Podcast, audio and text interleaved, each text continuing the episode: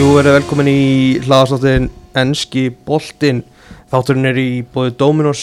Það er auðvitað besti dag vikunar Þriðudagur, þriðudagstilbóði Svo er Óstober, Óstoberfest og Óstober á, á matseil og svo var að koma ný pizza sem er eitthvað heiti Dóttir.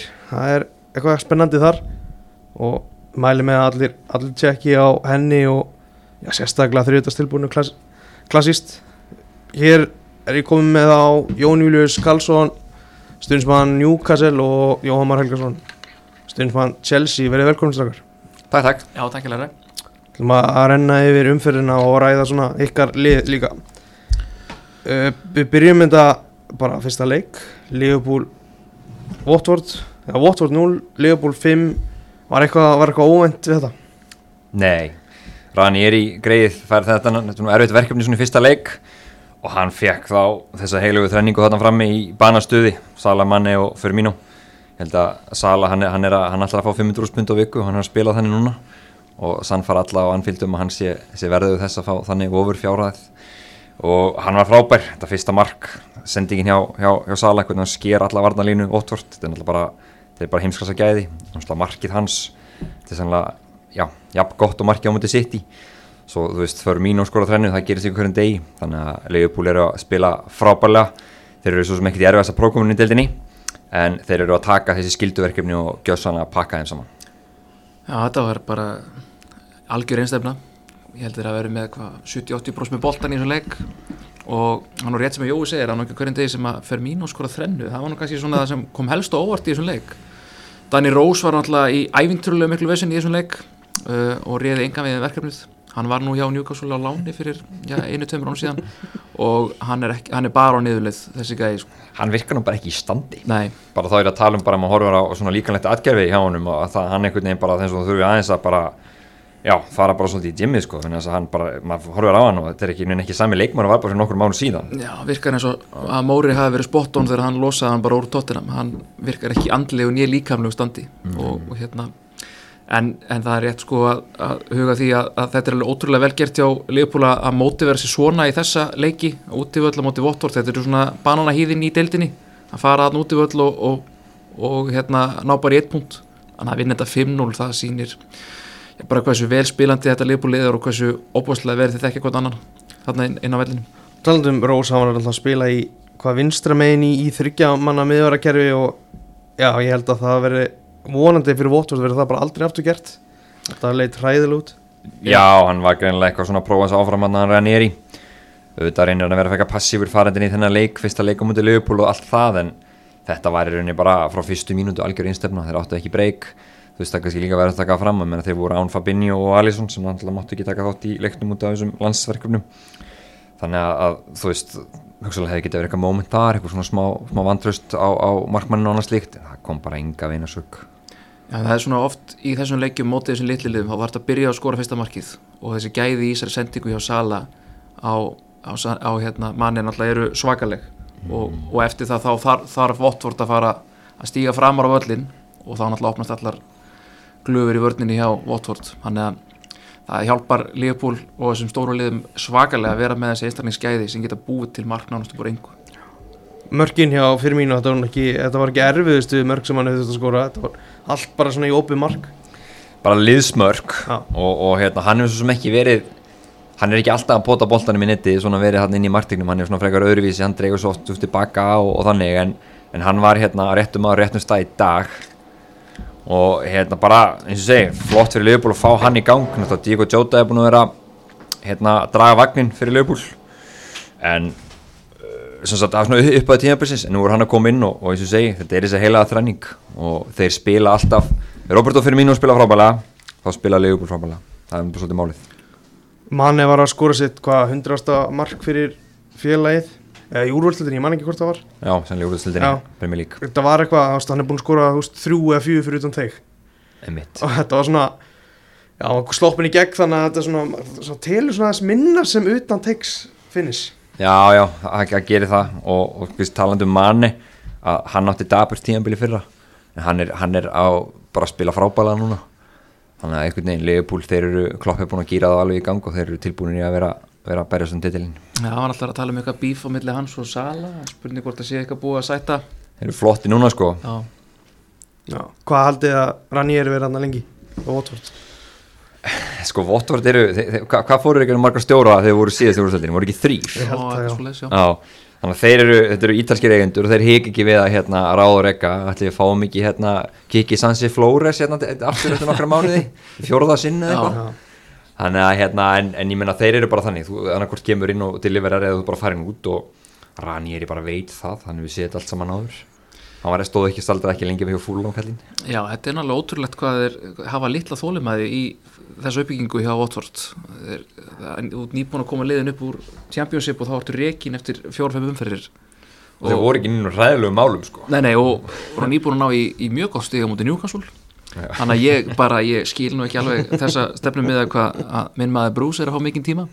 En, en ég, ég þetta, þetta, er óskil, þetta bara óskilinlegt hvernig þeir ætla að, að, að ná okkur stöðuleika hjá þessum klúpi með þessa e, þessa þjálfara hérna, flækju endalust Akkurat, hvað, þú veist ef við horfum aðeins í þetta, bara aldurinn á, Sala og þú veist þessar kröfur sem hann er að gera 400 til 500 úrspund á, á viku á ekki Leopold bara borga þetta Jú, jú, maður hefur nú rætt áður og það er hérna, horfður á þetta núna, engin spurning. Það er spurning að það er svona margt annað sem spilar inn í þetta. Það er svona samningslengdin, er þetta þennan um fjögur ára eða fimm ár, þá horfur á þetta og ég skil alveg að það er einhver sem segir einhver staðar, Jós Kristján og Leopold býtu, ok, er 34 ára gammal Mohamed Salah, er hann þess verið að fá 400.000 pund á viku? Þannig að þetta er svona, þetta er smá póker. Eigundundir, FSG þess að hérna þeir eru ekki trætti við að, að láta svona leikmenn fara, þeir veitu Gini fara frí þeir, þeir hafa gert þetta í öðrum klubum annars staðar í, í, hérna, í, eins og í bandaríkjónum hjá, hjá hérna, hafnaboltaleginu sínu. Mhm. en ég held samt að þeir setli þetta, þeir, þeir hljóta að gera það. Hann einhvern tíma núna um og um kringum áramótin og krótar hann undir held ég fjárra samning sem verður þeirra stæsti og hann hafa bara fyllilega skilið, þetta er besti fókból bara heim í dag. Já, ég er ekki alveg vissi hvort það verið fjóra sanningur en, en ég myndi allan að gera tveggjára sanningu við hann. Bara in a heartbeat sko Ég held að hann vilji það ekki, það, um, Já. það stendur, um það stendur í rauninni, Já. sko, hann vil bara fá fjara að fimm ára samning á þessum, þessum kjörum eða þá bara hann krydd krótar ekki undir og meðan hann er að spila svona og, og meðan að tíminn í rauninni styttist í það að hann renni út af samningi þá fara liðin svo Real Madrid, Já. PSG að kvísla á honum, herri, þú getur fengið þetta í okkur. Þannig að við sáum hvað setur. Hvernig, þú veist, hversu mikil stjarnar er samt Sala, þú veist, ef maður byrja hann bara sama við Messi og Ronaldo, er hann, þú veist er hann að trekja mikið að í treyjum og svoleiðis sko hann er náttúrulega ekki með, með hérna í, þannig svona væp yfir sér svona eins og til dæmis eitt stærsti fótboltamæri í heimi núna er Mbappe og Neymar. Mm -hmm. þess að ég lafði tæknilega sér búin að taka næstu því við af Messi og Ronaldo. Aha, við tölum bara um yngstu kynsluðana Sala er ekki alveg þar og hérna en hann er hins vegar að, hann er hins vegar að um, skoða bara alla svona metriksa í kringum hann og samfélagsmenn og slíkt og því svona fleiri svona flott og fancy mörg sem að skora því ykst þetta alltaf meira og meira. Mm en hann samt sko við horfum bara líka á þetta, hinum megin að ef Liverpool bara segir við alltaf mikið borgaðir þetta og þetta kostar einhverjar, kannski þessi samlingum myndi kosta kannski 150 miljonar punta á þessum 4-5 árum þeir myndi, þeir myndi alltaf þurfa að replacea hann með þannig kaupum. Og það er ekki hægt. Þannig að sko, sama hvað þú segir þá er þetta ekki þá, þá verða þeir að semja með hann. Það er allt annað meika bara ekki sens eins og staðan er núna. Já, og það er líka bara svo mikið í þessu Liverpool-liðið sem snýst um Sala hann lætur þetta svolítið mikið tikka hjá þeim veist, og það samstarfið hans með Firmino og, og ég sé bara ekki fyrir mér að þeir munu ná að finna veist, gæja sem getur fitað inn í þetta verkefni sem að Klopp er búin að búa til. Þú veist, það væri þá bara, þú veist, sem getur fengið mörg fyrir mörg væri bara Mbappe og Haaland skilur mig, en, en þú, þeir eru ekki að fara að kaupa hann, svona, maður, maður sér það allan ekki fyrir sér. Leopold hafi ekki verið í alveg í þannig rísa rísa kaupum, þú veist, ykkur um 150 miljonum punta, þannig að það er lang heilbrastur þá að semja bara við Sala og þeir ná einhvern veginn að það er alls konar hluti sem kom inn í eins og ímyndaréttur og annað slíkt sem spilar inn í, gefa hann kannski bara aðeins meiri slurka þeim tekjum og fóður þetta einhvern veginn þannig að hann fái samninga sem eru álíka þeim og, og hérna. Cristiano Ronaldo er að fá hjá Manchester United. Gætur, þú veist, að halda í einhverja vonum að Mbappe kom bara til þeirra frítt? Sko, ha- hann hefur verið mjög eh, hérna, opiskár með það að hann vilji fara til Real Madrid. Maður sér einhvern veginn ekkert annað í stöðunni. Hvað segir þú, Jay? Já, maður allan að með hvernig hann er að spila og svona líkamstjáningin þá finnst manni eins og hann svona sé búin að ákveða að breyta til. En ég er ekki vissum að England sér eitt staða fyrir hann akkurat núna, ég held að spátt væri mjög ákveðsonleiri fyrir hann. Uh, svona með hvernig típa leikmann en hann á að vera svona næsta stórstjarnar Real hvernig sem á að svona vekja þá aðeins til lífsins aftur. Svona, já, ég, þú veist, síðast að tekið í þessu er, er náttúrulega bara í rauninni þessi leikur hafi verið spilaðar ef við horfum til Madridar þá frestu þeir leik, leikjunum sínum út af Suður Ameríku keppninni þú veist, Klopp var ósóttu við þetta svo vinnaði 5-0, þú veist, kannski gleymir þessu aðeins. En er þetta ekki alveg svolítið skrítið það? Jú, það eru deildirnar setja einhvern veginn ekki alveg sama borði í þessu. Og það er einhvern veginn og sagt, það er alltaf bent á sjónvarsamningarna og Sky og allt þetta. Og, og þetta er einhver svona alveg eilíðar flækja. Og við sáum líka að Thomas Tuchel var brjálaður yfir þessu, mm -hmm. skilur við og maður, þú sko, liðsupplýsingu Chelsea og mútið brent og það var bara svona byrju spes sko, mm -hmm. út af þessu.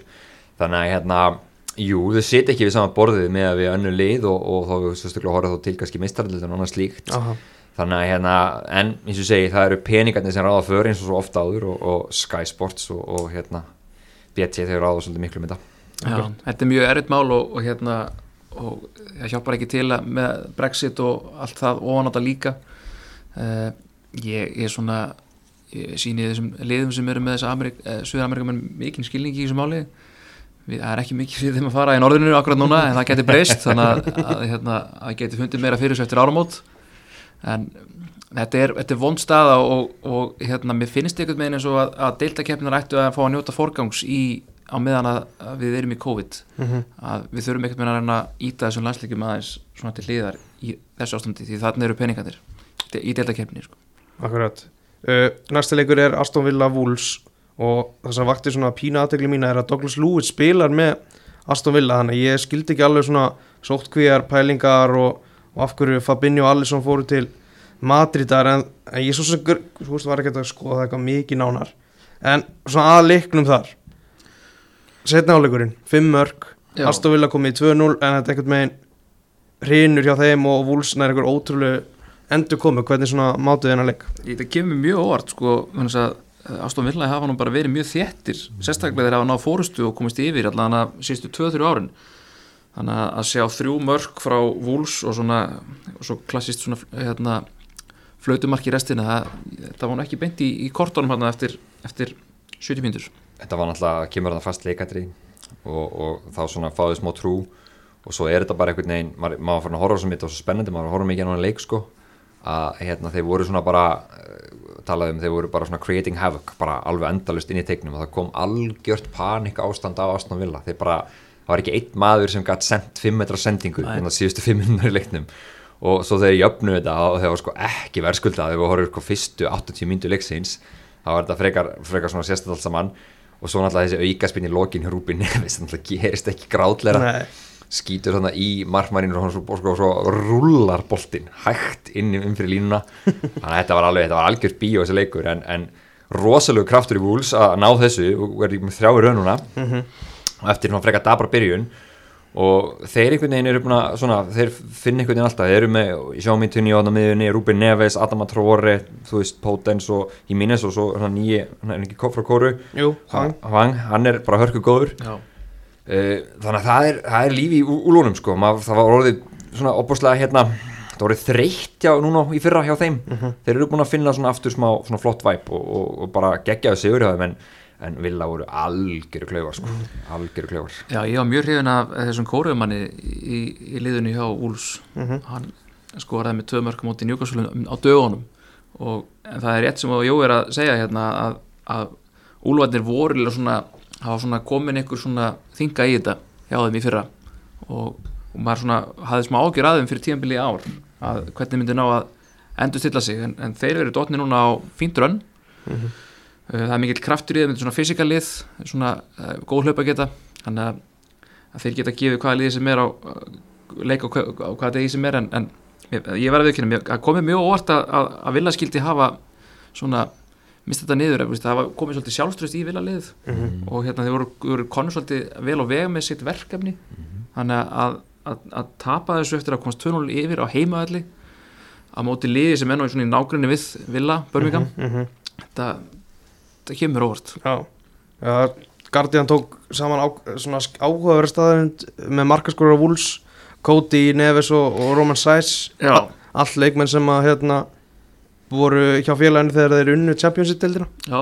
þetta er svona og Cody er nú ekki vanur við að skora. Ég hef er ekki nú- sett mikla peninga á þessa menn til að skora mörk í þessum leik. Uh, allan ekki Conor Cody en hérna, En þeir gera líka skemmtileg kaup Þarna Vúls, eins og hérna Trini K.A. gæinn, hann er frábær, hann er bara meittur hann er alveg ótrúlega skemmtilegur, svo er líka meittur Petro Neto, Já. sem er frábærlega skemmtilegur náðingi, svo er náttúrulega alltaf Adama Traore eins og, eins og maður veit ekki hvað sko, alveg þvílitt ódrennilegur fótboltam ríkala gaman að horfa á hann, svo hann Wang og Ráli Mínes, þannig að það er, það er svona það er sóknar þungja þarna líka. Í blandið myndu svo, svo Jón kom inn á mjög fysikal og skemmtilegt öppur lið já, minn maður Vili Bóli hérna, hann er hérna á bekknum í þessum leik sagna hans öruglega en, en jú, þetta, þetta er, þetta er skemmtirið lið og hérna og það er svona kraft í þeim. Ég, ég er hrifin á úlónum, Já. hvað það var 79. myndu kemur Asli Jóng inn á og það rinnur allt. Greiði kallinn uh, ekki meir um það. Förum yfir í, í Leicester United. Leicester Manchester United. Fjögur, tvö sigur hjá Leicester. Uh, ég sem stuðnismæður Manchester United þetta kom mér ekki óvart. Hvernig svona sjáu þetta? Uh, ég horfði á hann leik með öðru auganu ég var stættur á, á þingi á húsavíkum helgina, góð þingi. Mm. og það voru margi stuðnismenn United sem að voru að horfa á hana leik og, og fylgjast einnilega með úsluleiknum í byggatum sem var hann á svipum tíma. Mm. Og það var mikið líf og fjör hann sérstaklega í setnáleik uh, uh, frábært mark hann hjá Master í byrjun. Já, þannig að Greenwood skorar. En ég verða að viðkjöna ég, ég var búin að sjá fyrir mér 1-1 er þið mjög góð niðurstæði þessum leik fyrir bæði lið. En þegar maður horfir á þetta og sér uh, United jafna og fá sér svo mark innan við mínútu síðar að það er ekki allt í lægi hjá United. Það er eitthvað, það er svona það vantar alltaf samfæringu í þetta Ég fæ að taka orðið hana Jay sko, þá er þetta þannig að það er að vanta jafnvægi í mannstofnit Mhm. og Ole Gunnar Solskjær er ekki búin að finna hvernig hann á að láta þessa leikmenn spila saman. Hann er með fimm rosalega sóktara leikmenn í liðinu núna og þeir á það enga mig við þannig leik, sérstaklega á móti öflugu fótballtalið eins og Lester þó þegar þeir hafa verið að ströggla í dildin í vetur þá er þetta svona góð fótballtalið og þeir voru á sínum degi í, á lögadaginn Lester og þá bara hrínur mannstunættum sem spilaborg finnst mér, þeir bara, það stóð ekki steinni við steini, auðvitað var Harry Maguire engaðin tilbúin í verkefnið. Akkurat. og það var nú bara, kannski sást bara frá fyrstu mínútur heila en hérna en sem sagt bara, hvað er identityið hjá mannstunættit, eru þeir að pressa? Eru þeir að falla, eru þeir að hérna, eru þeir sem sagt að reyna að vera high possession lið, nei, enga veginn. Hvað eru þeir að reyna að gera inn á vellinum? Og maður sér það ekki. Og þeir eru með alla þessa frábæru fótboltamenn inn á Dayton Sancho hérna, sem sagt, náttúrulega Ronaldo Bruno, Mason Greenwood alltaf geggja markja á honum. Og svo einhvern veginn er, er svona einhver hrópandi ójafna í Pogba fer alltaf úr þessu stöð þannig að spila hann aftar, Matit skilin eftir með allt og mikið pláss fyrir fram að sig og hann er enga veginn sá leikmaður sem var fyrir þreymur árum síðan.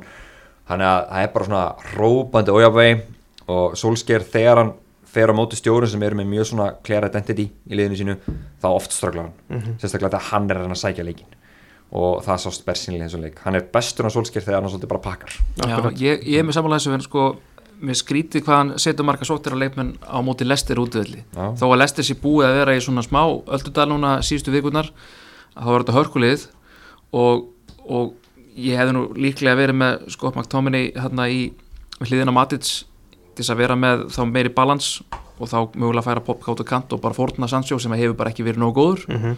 uh, en hann allar augljóslega bara að taka leikinn til Lester og sækja og, og hérna og það missast algjörlega. Þá þarf þetta að pressa Já. þarf þetta að pressa á. Já, og þú ert ekki að fá neina pressu frá Ronaldo. Nei, nei. uh, og ég, þú veist, það var engin liðspressa í gangi hjá þeim.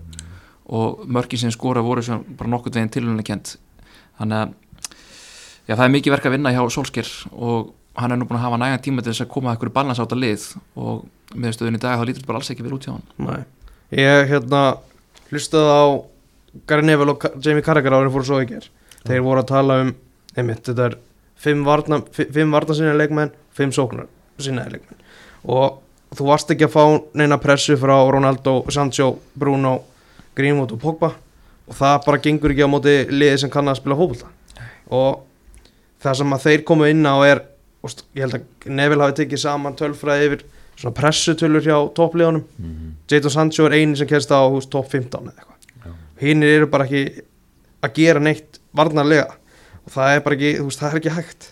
Það er líka bara það var frábæra klippur úr Matts og Day sem er gaman að horfa líka að, að hérna þar sjáum við til dæmis leikmæður sem Júri Tillemans hann hafði allan þann tími heiminum. Hann fekk boltan og þetta voru bara tvær sendingar þá voru búin að spila sig í gegnum fyrstu byrju sem nefndit og þegar þú ert með svona gott lið af því, af því þeir falla ekki alveg mannsónið heldur með leikmann eins og Timi Vorti, Einatsjó Matisson og frekar snögga vangbakari í Pereira og Kastanje að þá, þú veist, ef þú spilaði svona auðveldi gegnum fyrstu bressuna, lest ekki gera það, þá er þetta bara þá er þeir að fara að fá endalist að færum, þeir eru bara það góðir í fótbolta.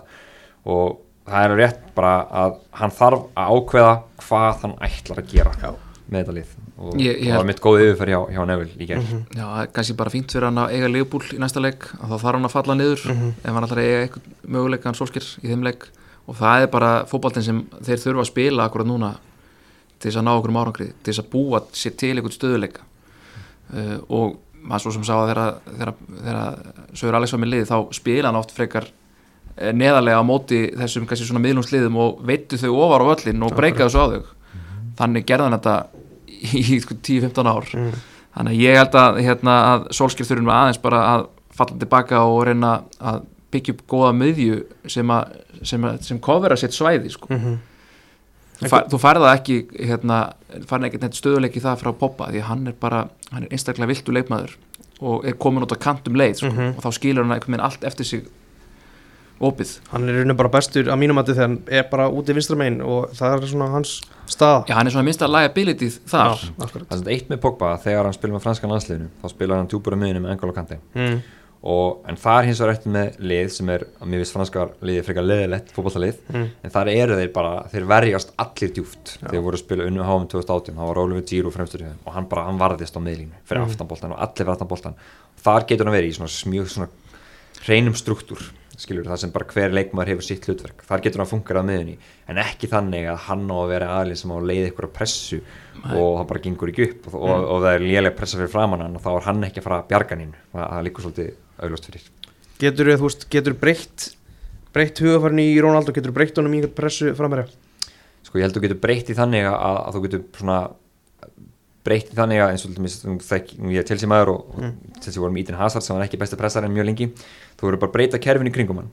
Þannig að hann tekur bara fyrsta hlaupi í fyrstu pressunni og þú lætur rauninni alla aðra í kringum hann vera þá í rauninni að veiða pressuna á móti. Þannig að hann reyfi sér fyrir eitthvað lítið í pressunni en er samt bara svolítið svona fyrsti fókulpunkturinn í pressunni Já. sem er þá oft sko hlaupi sem nær aldrei að veiða reikmannin þú getur mögulega stilt einhvern þannig upp en til þess að þá ertu opbósla færan stjóra eins og til dæmis Antonio Conte. Akkurat sem var gaurinn sem gerði.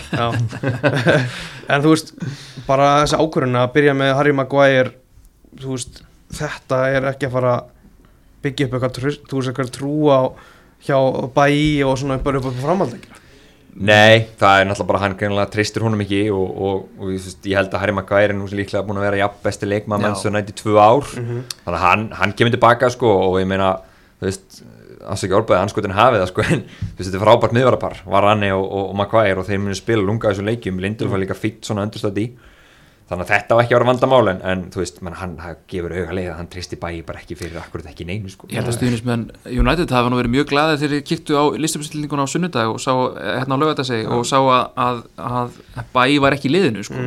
og Maguire var klár. En hann var ekki klár, en hann var auðvitað ekki klár. Það er nokkur málið. Já.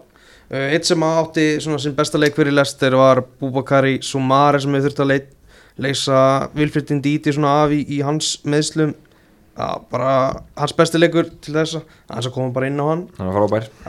Uh, svo förum við í næsta leika er City á móti Burnley á svona fantasy menn voru í pepprúlutinu og já mér gekk hún upp, ég verða að vikina það en ekki á mörgum Það sem bráinni það eða? Nei, tók einn Bernardo Silva og hann til í vera Já. alltaf Talandi um Bernardo Silva, það finnst mér hann búin að vera besti leikmaði sitt í á tímabilinu Já. Já, það voru margir búin að afskrifa hann hérna, að svona maður hafði á tilfinningunni eins og það var verið að losa hann hérna, Það í- var verið að losa hann. Það er bara ekkert lindamál Já, eða þú veist, já, maður var svona ekki að taka hann í, í, í þessi, þessi fandrax og fantasy lið sín út af því að maður svona sá fyrir að, að hann myndi ekki fá kallið. Mm en hann hefur bara verið frábær. Mhm.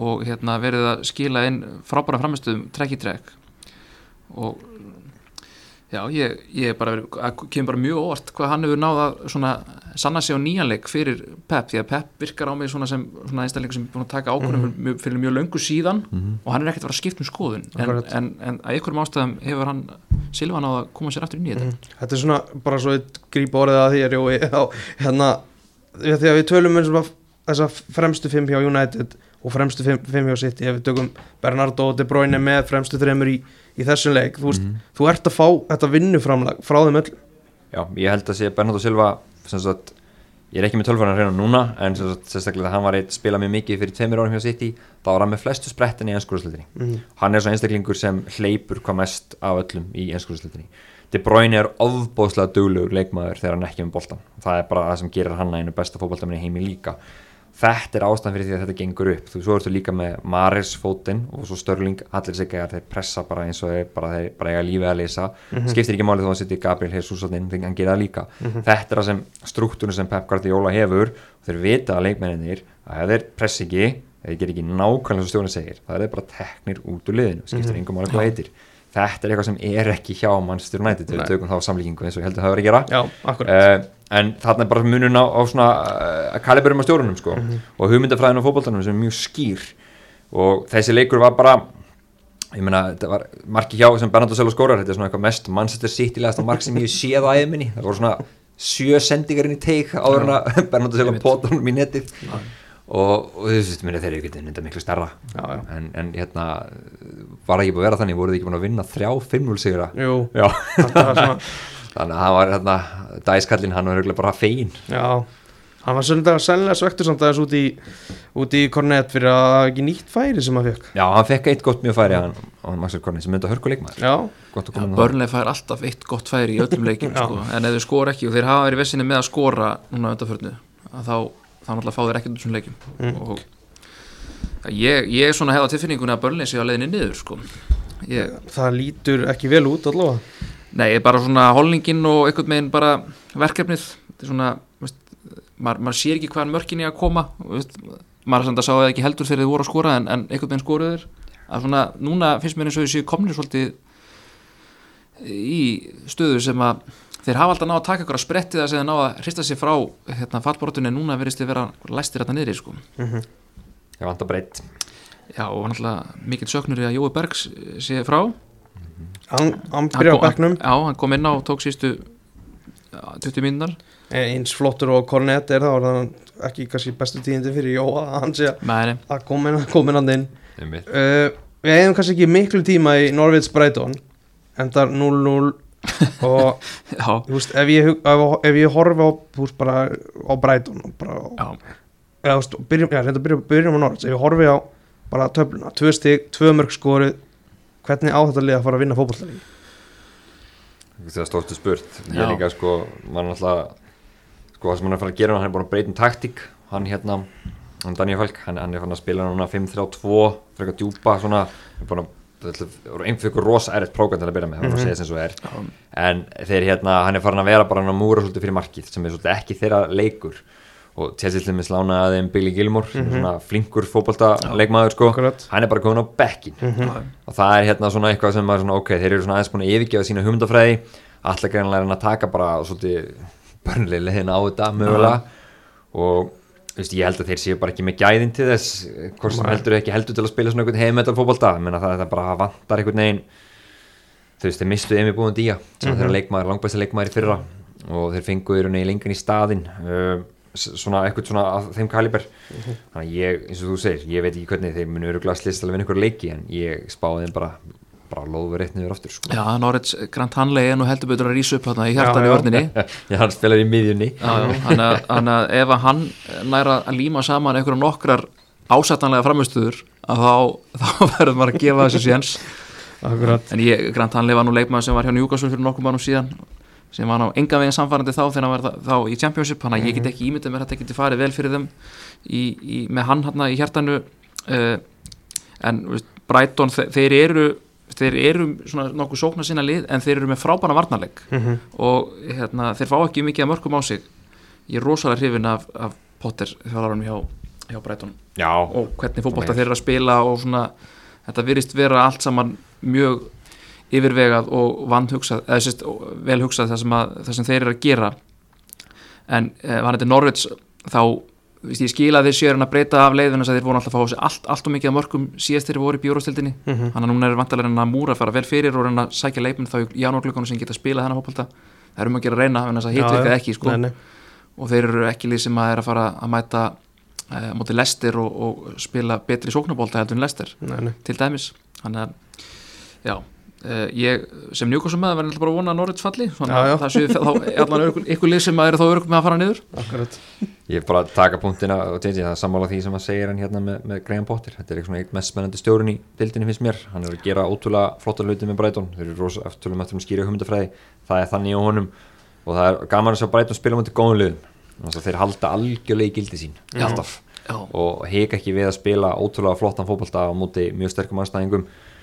og bara, eins og segja, Leandro Trossard frábæð fótboltamaður, hann hérna minnst að frábæð líka hann að Kukurella, hann er í vangbækurinn höfum, skemmtilegur, Tarik Lamt er að koma aftur úr meðslum, hann kom inn á þessu leik. Það er annar frábæðlega skemmtilegur fótboltamaður. Hann að hérna, Pascal Gross nefndur alltaf fyrir sínu, hann er löt tíja einhvern veginn, samt einhvern veginn alltaf flottur. Þannig að þetta er bara skemmtilegt fótboltali bara þetta og bara ég hveti alltaf að fylgjast með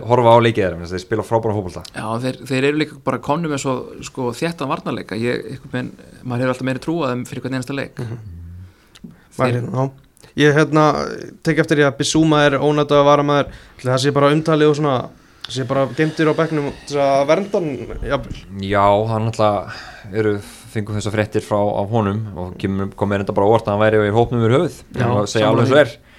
Þannig að hérna, það verður bara komið ljóskunni það framhaldið verður með það. Já, Eh, Þeir eru búin að skora 8 mörg Þeir eru komið 15 stig, eru í fjórðasæti Þú veist, er þetta ekki bara eins góð byrjun og í rauninni hægt var að óska sér fyrir brettan Algjörlega, þú veist, ég sé það ekki hanga í fjóðarsættinu en, en þú veist sæti 8-10 er frábæra árangur hjá Breitón skulum alveg hafa það á hreinu. Já, við sammála því.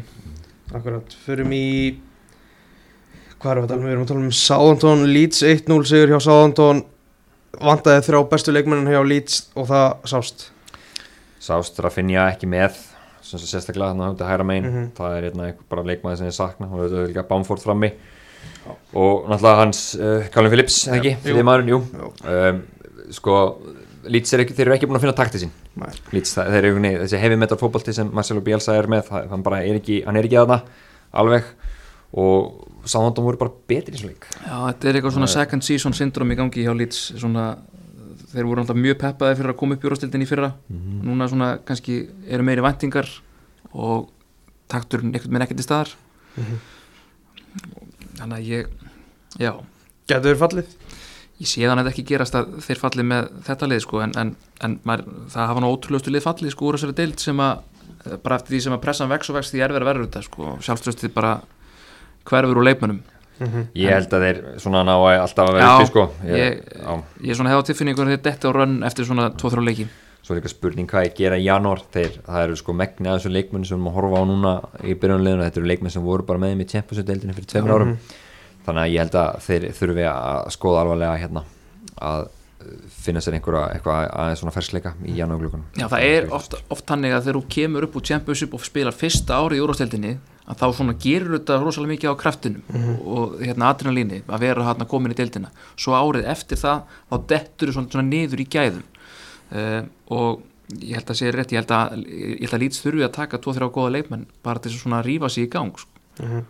Fyrsti sigurinn hjá Southampton það er aðeins bjartar yfir þar eftir þeir eru búin að vera þú veist svona sterkir í alveg varnarlega og svona það hefur bara vant að klára leikin algjörlega og, og hérna þeir sem sagt bara svona þeir spila flottan fótbolta Mm. þannig að Hasenhult er, er bara hann, hann, þú veist, þetta er, gaman að horfa saman og, og flotti leikmennum milli, með þess mjög, mjög gaman að sjá þetta. Er langsmaður á Chelsea, Armando Broca, hann skoraði Mhm. markið. Albanskur strákur, stór og sterkur alveg feikjulöflur, gaman að sjá hann er farin að fá mínútur. Og já, þú veist, ég bara hérna, veist, ég held að Southampton þeir fara ekki niður, þeir eru bara með það svona upplut lið, ég held að ná alltaf, alltaf að hanga uppi, ég vantaði núna hjá þeim bæði T. Adams og hinn fyrir meira stóru um mér, Anna Armstrong Adam Armstrong. Já, þeir eru að spila þeim frammi.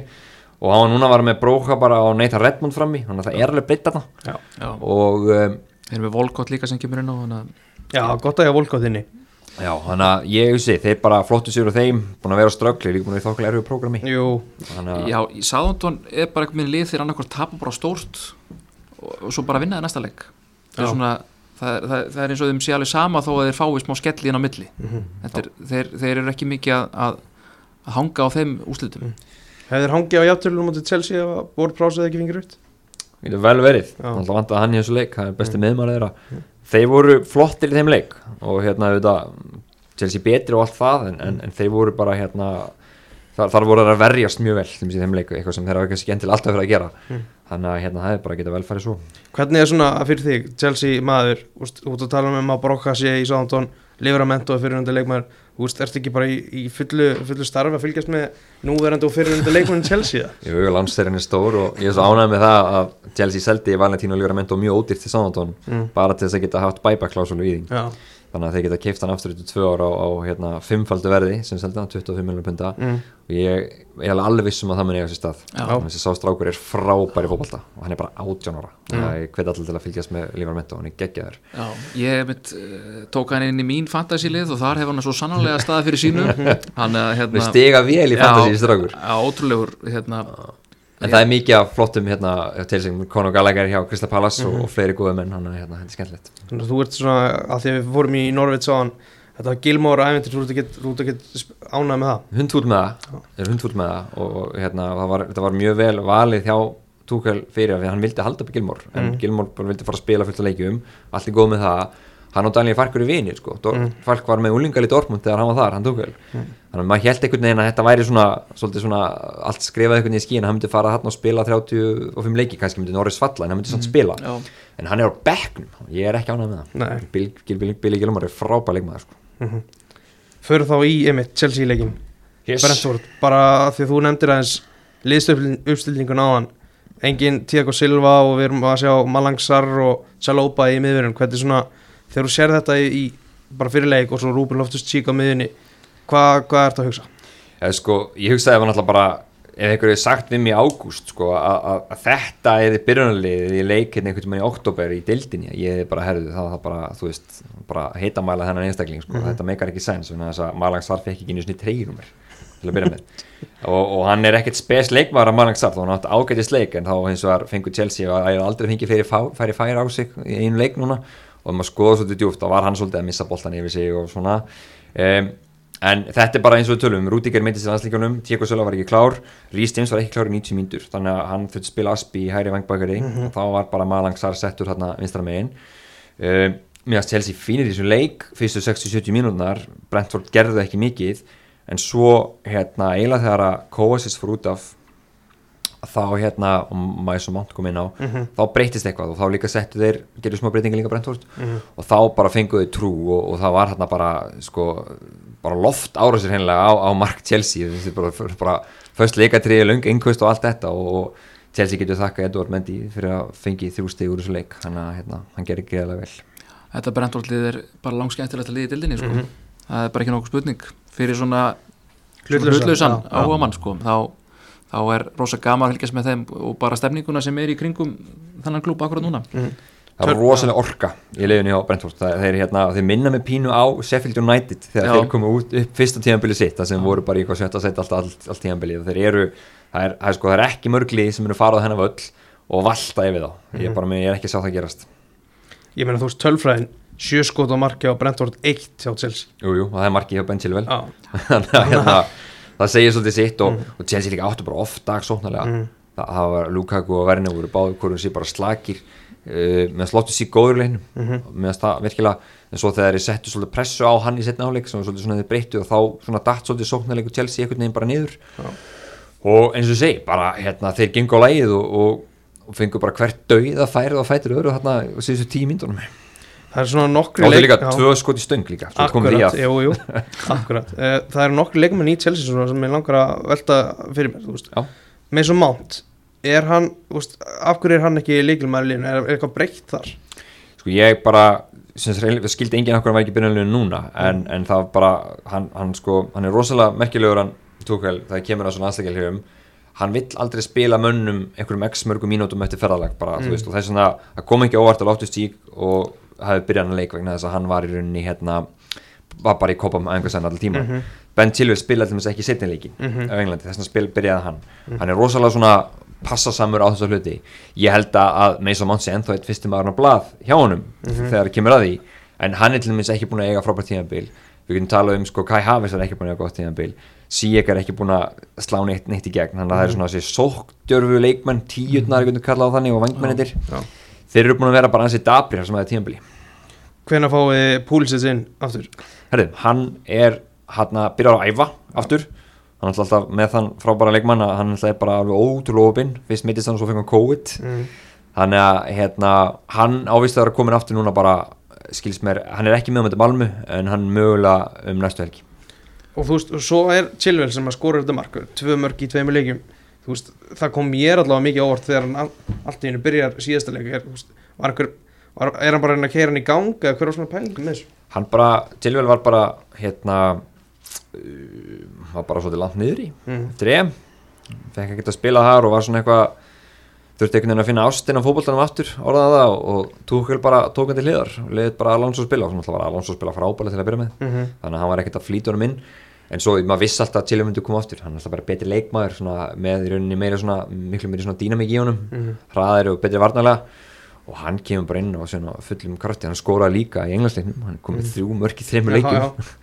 þannig að hérna en ég held að sko Ben Chilwell er, er eins og til minnst að Chelsea voru unni mestaldinni fyrra. Hann var ekki líkilmaður við Chelsea Mhm. í öll, öllum þeim, öllum þeim leikjum. Hann, hann er frábær og hann mun festa sig í sessi bara andalega núna held ég fyrir okkur fantasyspilarna erum við að horfa það að Chilwell sé að fara að taka dildaleikin og, og Alonso í miðri viku? Sko, ég held að sérstaklega svona alla, alla svona hann rótir örglega, ég held að Alonso spila um þetta Malmö til dæmis, Mm, þannig að ég held að hann verið bóttið til næsta leika þetta Norwich, hann tilvel já, þannig að hérna eins og stænum núna þá er hann held ég að fá svolítið þetta leikina, já. Mm. og kannski stóru mestrarleikin líka, eins og þetta var í fyrra. Næst síðasti er Lukaku, hvað er að gerast þar? Hann bara, sko, hann uh, Southampton hann alltaf bara líðilegt hann skuli ekki að skora þar. Hann skýtur í stöngina frá markteig svo átt hann bara dabran leika en það hefur einhvern veginn, Chelsea hefur eftir svona frábæra byrjun hafa ekki fundið í rauninni svona takti með honum. Og ég held að hann sé ennþá að finna leikmennin til að spila með í kringum hann. Er hann, er hann í réttu systemi með, með Lukaku hann að framstæðan? Virkar að vera með hann hliðin á Werner á top? um, margir myndu að það myndu meina að það myndi virka svo svakalega vel. Ég var ekki þess að það fyrir mig, ég held að hann þurfa að hafa Mount alltaf inn í liðinu með sér Mason Mount er rosalega góður svona off the ball player í kringu Mhm. stóran leikmann svo er ég annarkvort að horfa á að Kai Havertz eða Pulisic sérstaklega Mhm. munu geta að spila vel í kringum hann en þeir eru svona leikmann sem eru nála stóramanninu, Mhm. Werner er það ekki endilega Nei. en hann þarf bara að fara að síga í ganga aftur Já. hann, hann, hann, og ég held að komi það er Norvíts næstu helgi Já, getur ræða það inn uh, Þá er það síðasti, það er þessi markmaður sem að þið þurftu að fá markmann í, í staðin fyrir kepa og þeir fengu, tóku inn mendi sem að fáir svona vissu hver var. Þessi gæi er búin að vera alveg ótrúlega góður og úst, er þetta, er besti markmannin til þinni? Ég ætla að segja er besti shotstopperinn í dildinni uh, Hann er ekki skoður löpunum á Edison Alisson og sérstaklega ekki Edison. Og hann- hann er það ekki, sannarlega, en hann er ótrúlega góður á milli tangana og hérna sást líki meistaraldinni fyrir á öllum þessum leikjum hvað hann var bara stór og mikill og maður, bara, maður hefur einhvern veginn alltaf svo mjög að trúa því hann sem var að verja skotin sem hann fara á sig það, það er mjög merkilegt sem er bara akkurat anstæðan við kepa mm. það er líka bara gaman að sögu sko. Er náttúrulega- hann, er- hann er ekki ungur en þetta mendi sko. hann held í 29 ára Já. og hann er svona algjör leit blúmer og bara á 2014-15 þá var hann aðtunleysbútt með Fraklandi Já, þetta er alveg, alveg lígilegt sko. eh, en hann alltaf handvalinn af Petr Cech og hann vissi hvað hann var að gera og bara, eins og segi, við erum bara ótrúlega hefnir að hafa Edvard Mendi í markinu í Chelsea menn. Mann er að velta fyrir sér akkur hann var ekki tilnæmdu til Ballon d'Or. Það er þokkalega galið. Já, sko, sérstaklega það voru fleiri leikmenn valdir hérna úr Chelsea liðinu sko, þú tókst með, með svo mátt og frábær en, en hérna, en mér varst Mendi leggja meira til í, í hérna í þessari meistardöld til dæmis. Um, en hann fekk hérna, hann fekk hérna var tilundir hinnaverluna hérna hvað, hvað, besti markmaðurinn? Já, besti markmaðurinn, já. Þannig að hann fara að vera þar. Hann fær að vera þar. Ah, Ég held að Donnarumma hafi verið eini markmaður sem var tilnæmdu til Ballon d'Or. Það er kannski horta hans í landslið sko. Já, mögulega, hann spila með Senegal. Já, akkurat. Uh, Förum yfir á sunnudaginn. Dagurinn þar sem að Newcastle var að spila. Já, en við ætlum samt að byrja á uh, Everton Vestam uh, Þú veist, Vestam þeir voru byrjuð þetta tímabil rosalega vel svo fór eitthvað að fjara undan þessu þegar að Európa-dildin var að kikkin uh, Er þetta lið sem að getur húst endað í topp fjórum? Ég ætla ekki að segja topp fjórum en þeir geta, þeir verða hann á bylunu sko, sem sagt, ég held að verði í, í 57, Mm. ég held að það sé svona þeirra staður í dildinni já, ég sammála því. Mér finnst Vestam hafa bara spilað frábælega skemmtilega hópálta það sem aðverða þessu tíðanbili og hérna og þeir eru, þeir eru bara svona þeir eru bara miklu uppleið. Eh, það komið svolítið óvart reyndar að skildi að hafnið þennan leik því að Rafa er eitt mjög góður í heimalegjum móti svona liðum, hann tapar eilt ekki þessum leikjum. Um, en já, það er, það er bara miklu meira sjálfströst í, í vestamliðinu heldur um bara síðunda fyrir nár Þessi leikur var, fyrsta markið var að fara á úrslutum. Þetta var rosalega mikið þannig Já. leikur. Það var high tempo og, og liðum voru bæði þétt fyrir. Já, og svo kemur fastleikadri og, og svona var ekki hann og Og Bonna sem, sem skallar hann inn þú veist, þetta var bara svona, þetta var svona broke the deadlock þú veist, Já, svo var það bara settur í algjörnum lás. En ég tek undir með það sem Jón Július er að segja að hérna, það eru margir skemmtilega leikmenn sem eru búin að blómstra núna, þú veist, þeir eru náttúrulega Antoni og náttúrulega frábær, svo er það Jara Bowen þeir eru með Benna Rama, þeir eru með Papa Fornals Declan Rice er frábær miðumæður Já. þannig að þetta eru svona, það eru margir skemmtilega leikmenn ég er allir að spila vel líka, Já, það er engin að underperforma þeir eru svona að læsa miðjunu með Ræs og Sútsek svona í svona Já. sitjandi stöðu þarna það og geggja kombo. Já, þeir eru ótrúlega eitthvað beginn svona þéttir. Mörki en báðum, báðir risastórir Já. og grjótharðir og sterkir. Þannig að þetta er svona, þetta er ótrúlega svona þetta er svona einhvern veginn smolli saman hjá, hjá móiskallinum hann hjá vestan. Já, svo er hann bara með svona, svona þrjá fjóra mjög svona sóktir á leikmenn þar fyrir ofan sem fá bara svolítið frjálsræði með, með þess að tvo bara sem sitja fyrir aftan og bara passa að ef þið tap boltanum að þá séu þið klárar að hljópa tilbaka sko. Akkurat. Þannig að ég held að svona liðs uppsillingin hjá vestam sé mjög öflug. Svona þeir eru ekki að fara að fá þessi mörg mörg og já, það er, það er bara spurning hvernig hérna, þeim tekst svona að sleppa við meðsli og annað. Ég held þeir verði hérna svona ég, kannski í baróttunum fymta sætið mögulega. Þú veist, eh, ef, ef ég horfi í þetta, þú veist, ef að, ef að Chelsea, Liverpool og Manchester City enda í efstu þrjumur sem að allt bendir til og Manchester United er ekki fjóraðsötur, hvaða lið er að fara að taka fjóraðsötur? Hvaða lið er svona líklast? sko maður mað, sko, maður fer einhvern veginn strax í maður hugsa hvað er Arsenal og Tottenham að fara að gera sko. Mm uh, maður horfður á þau núna og þau eru bæði svona, nah, ég veit það ekki.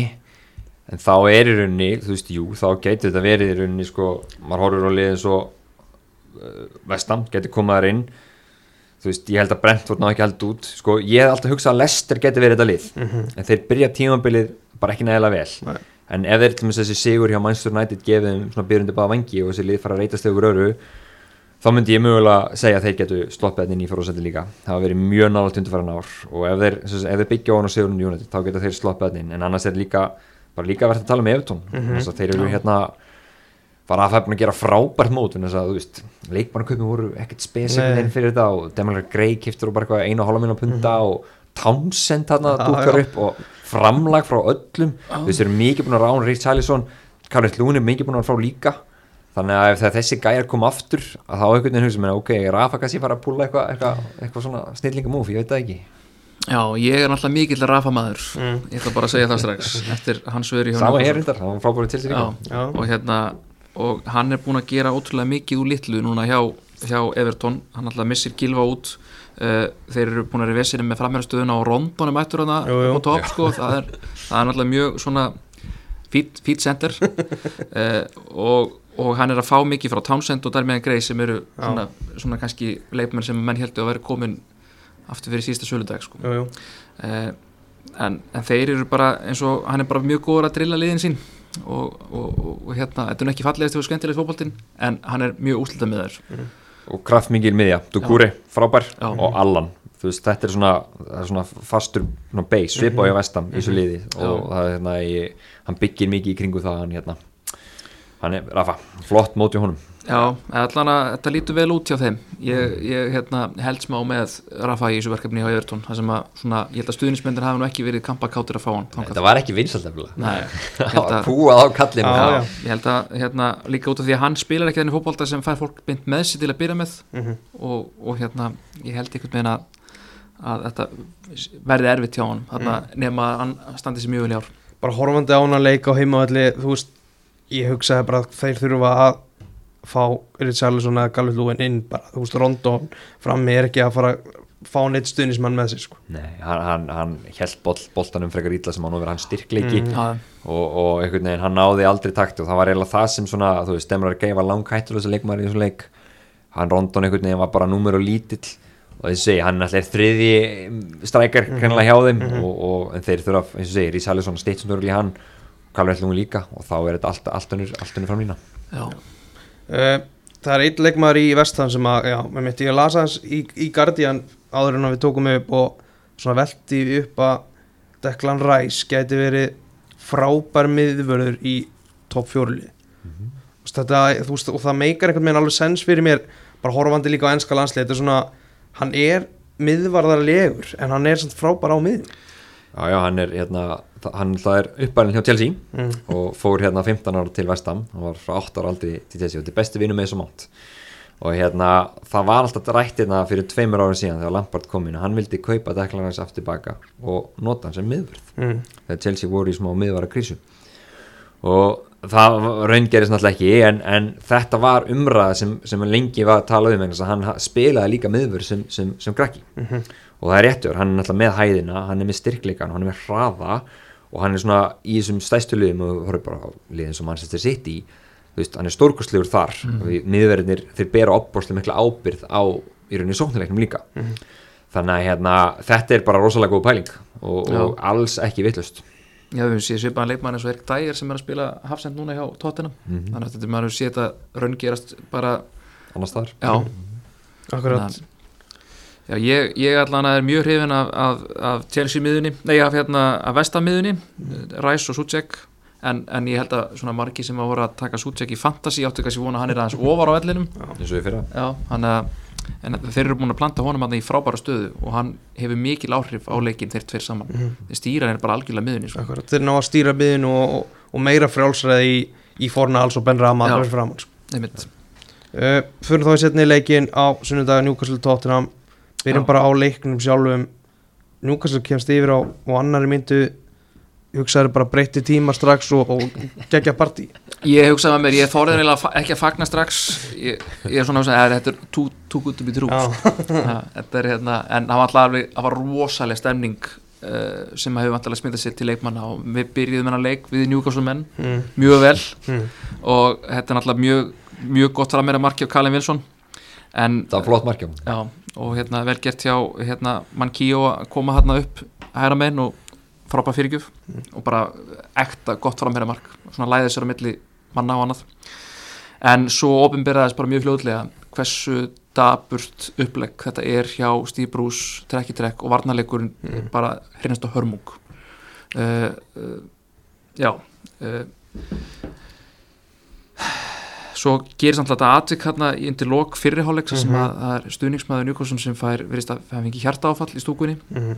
það er gert hlý á leiknum þarna er náttúrulega Tottenham búin að skora tvö mörg Mm. Harry Kane búin að skora mjög gott mark þannig að menn held að hann var rángstæður, hann var það ekki og hérna Tottenham fær uh, fast leikatrið mjög fljótlega eftir að leikunum byrjar aftur og ég, ég gæti ekki betur séðan að meðlutan leikmennu var bara eitthvað hlæjandi og fókusi virtist ekki vera til staðar hjá, hjá einunum neinum í, í, í njúkássulegðinu og þeir skora þriðamarkið uh, og þá var fannst mjög nefnilegt að þetta er svona nokkurn veginn vera búið sko. þeir, Erik Dyer tókst nögt með hann að gefa okkur mark hann 89. mínútu Mm.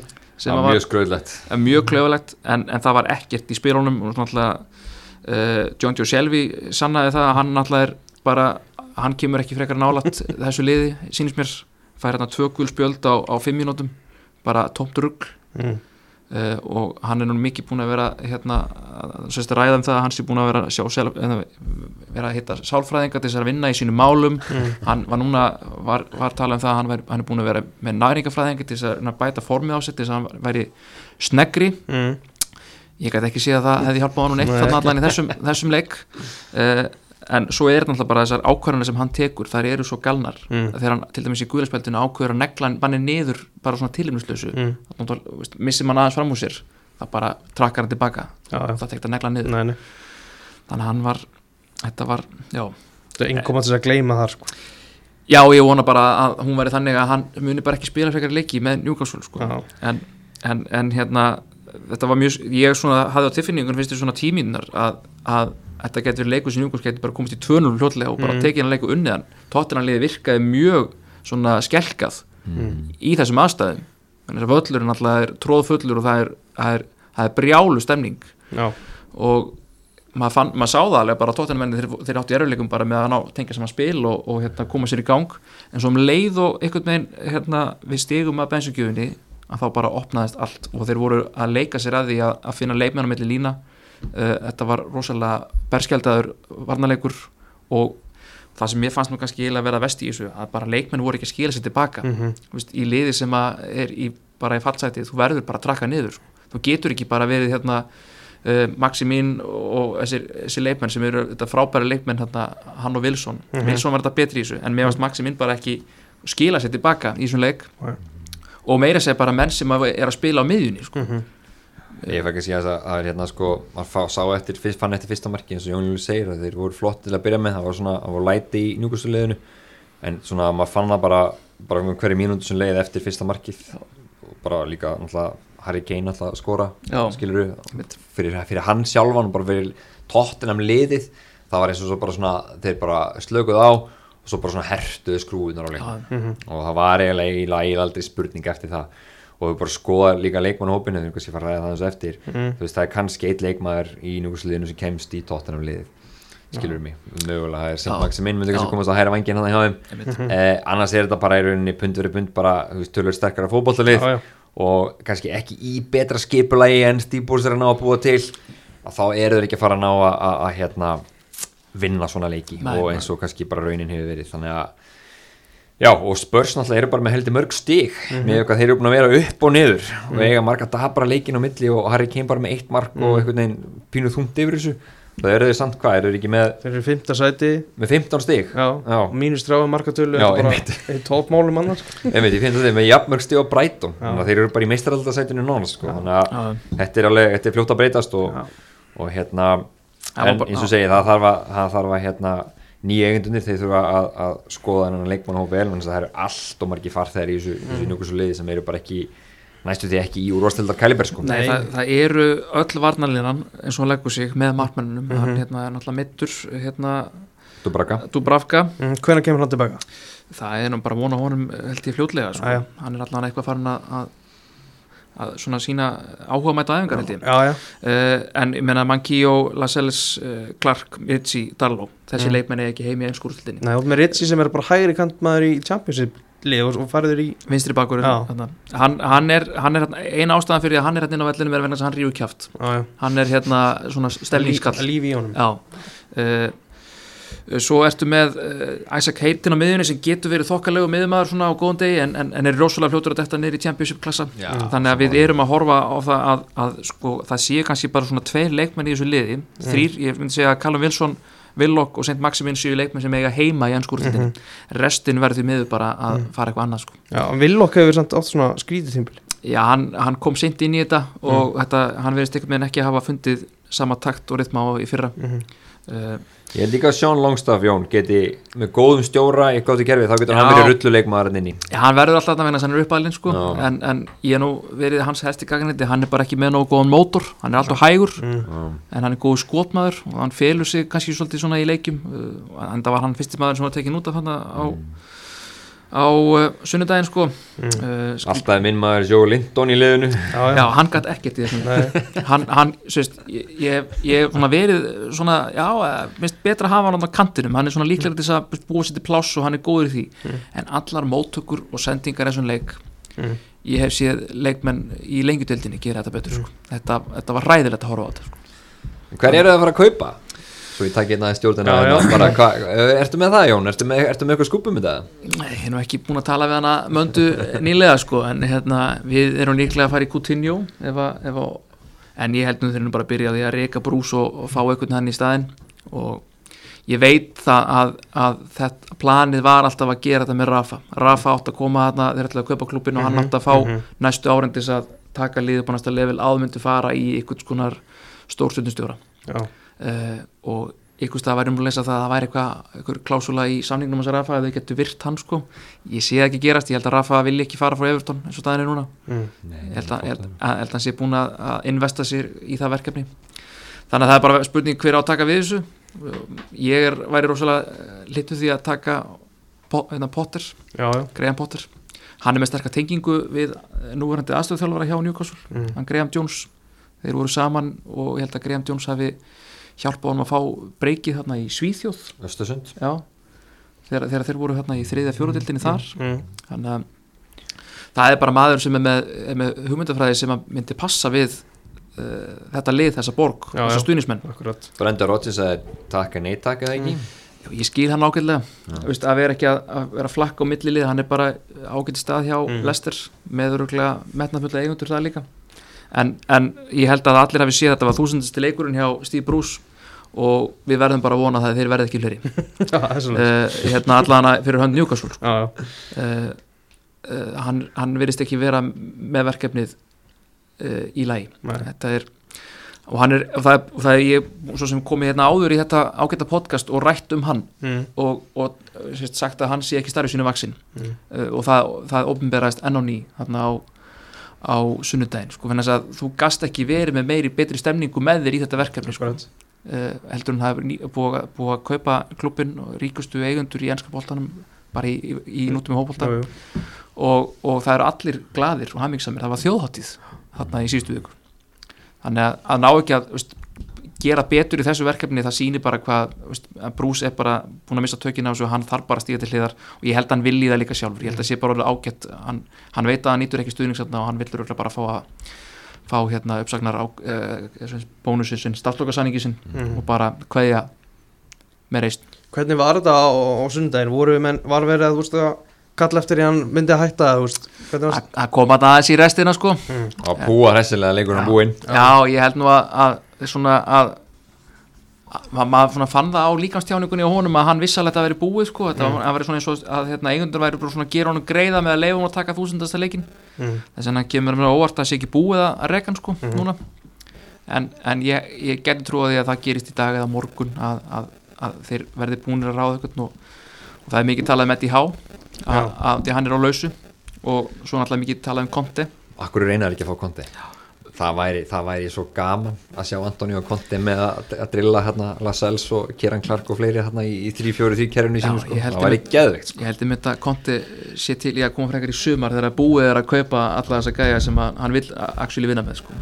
það er eitt leikmaður sem Newcastle á að byrja að kaupa af því það er hægt að kaupa alla af Barcelona Mm það er að kaupa Mark Andri Terstegen Já, það er bara, það eru rauninu kröfuhafar sem stýra núna næstu í Barcelona sko. þannig að það er bara býður nú að hátt og verða þær að taka því sko. Já, ég held að við hann á Coutinho, getur byrjað á því. Já, og mér sýnist Koulibaly vera líka svona leikmaður sem að við myndum að væri gott að taka. Tarkovski, það er hægt að fá hann bara nánast á ódýrt núna hann er á síðast ára samnings En, en ég er svona, svona, ég verið hrifin að því menn hafa mikið að tala um það hvaða leikmenn á Newcastle að kaupa og ég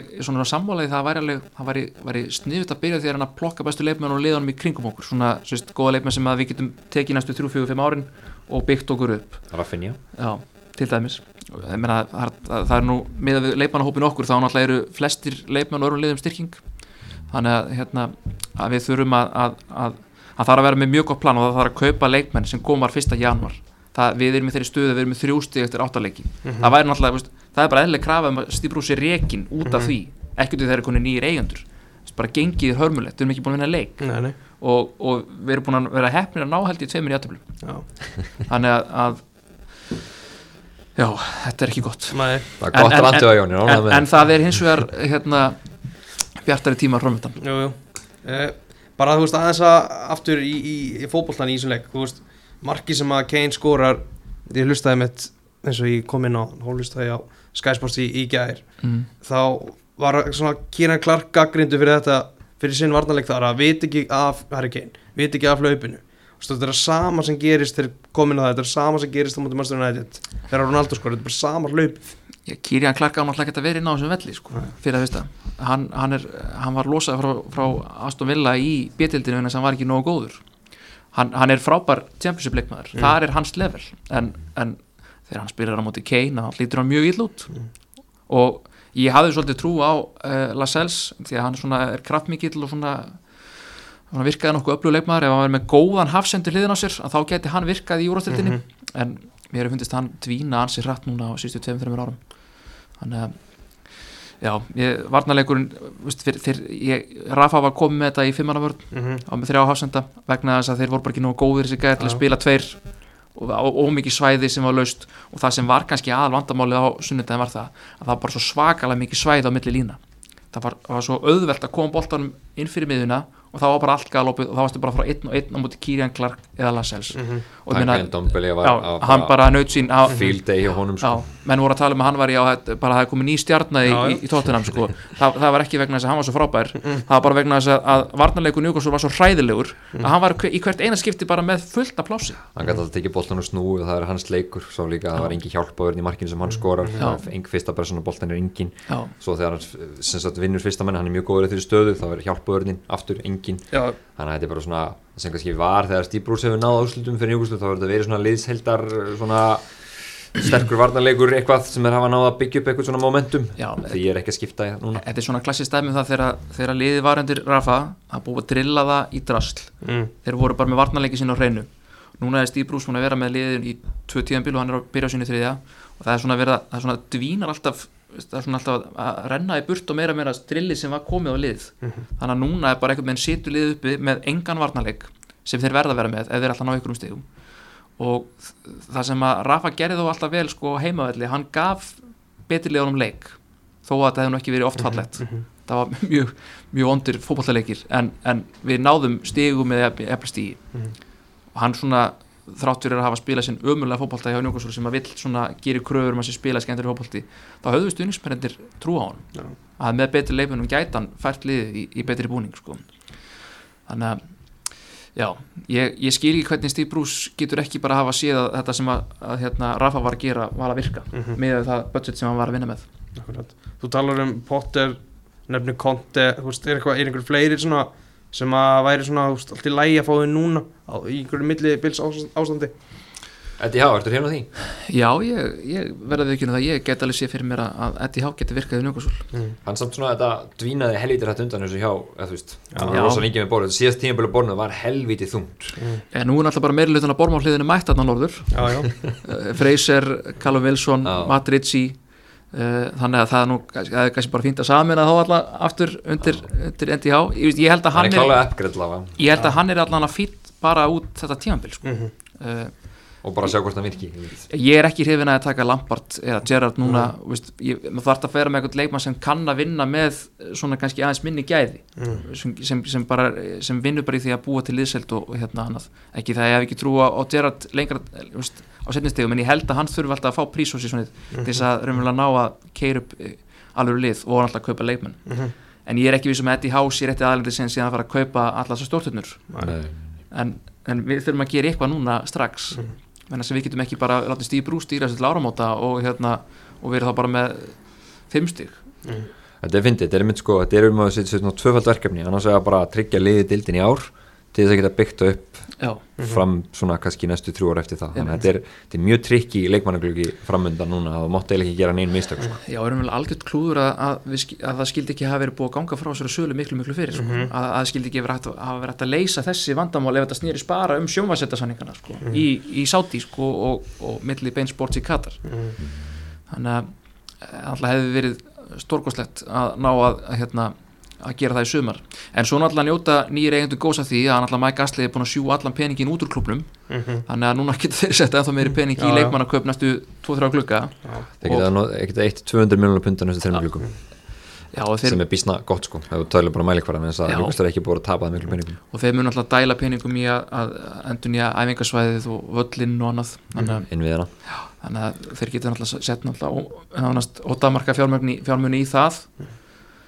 þannig að, að sett að þetta er, þetta er ma maður er svolítið svona ég man að þetta er þetta er svona fyrsti, maður var svolítið búin að svona draga sér í hlið að fylgjast rosalega vel með þessu sko, Já. nú er maður aftur bara farin að lesa alla fréttir daglega. Nú er bara svona maður mað gati ekki höndla þessa neikvæðin sem var, var komin í kringum klubin maður svona maður er bara svolítið búin að fá nóg. Hversu mikið setback væri það samt ef að Newcastle bara fellur? Gríðalegt en, en hafandi finnst mér klubnum myndi að færin 15 ár undir Asli þá náttúrulega þá var það, það sem að við vorum á leiðin að fara að gera það núna í vor Mm. ef að hann hefði haldið áfram í lið. Ég held að það sé augljóst. Þeir færu bara strax upp aftur. Já, það, það myndi einhvern veginn verða þannig það er bara myndi setja þetta aftur um eitt ár sko, kannski nætt meira. Mm. en það er líka bara sko það sem hefur áhverðið sjónum í Newcastle að þeir eru það lið sem er sko uh, tala um svona underachieving þeir eru að, að bara í öllum svona tölfræðilegum þáttum rekstralega séð eru þeir bara að standa sig hvað vest Já. það er ógeðslega að finna þess að klúpur og kaliber eins og hérna Newcastle sem er álíka hátt sponsorship og Burnley. Já. og leik, þess að tekjur að leikjum hjá þeim á miklu stærri velli heldur en Brighton eru svipað miklar. Mm. þannig að það er svo mikið sem þeir geta gert það er ekki til, það er, það er ekki til að kaupa Newcastle en þess að þau getur gert rosalega mikið fyrir ekki það mikið strax bara með því að bæta ákveðan hluti innan í klubum sjálfum. Svo getur byggt án á það við þú veit með þetta er einn, er risastór borg þetta er flottu völlur, þetta er svona rosalega flottur fanbase og passion fyrir liðinu þannig að sko þú getur búið til algjörlega dænast í þarna á frekar stuttum tíma vegna þess að grunnstofnin er til staðar, það er bara að bæta hann eins og Jón sagði, Asli var bara skemma klubbin svolítið innan, það var eiginlega engin gleði í þessu sko. Já, ég held einmitt sko líka að sem var ástæðan fyrir að Rafa tók þetta verkefni að sér þarna, þegar við vorum að falla 2016 mm. var vegna þess að hann sá þetta legacy, þetta dænastir sem hann gætt búið til fyrir sjálfan sig, mm. að, vera, að vera, vera maður sem kæði með þetta inn og myndi leiða til betri tíma. Og þannig alltaf var búið að vera að tala um það að Asli var, var hann að losa klubin og, og þessir sem kaupa síðan klubin voru búin að ræða við, við Benítið sem að hann myndi taka þetta verkefni áfram.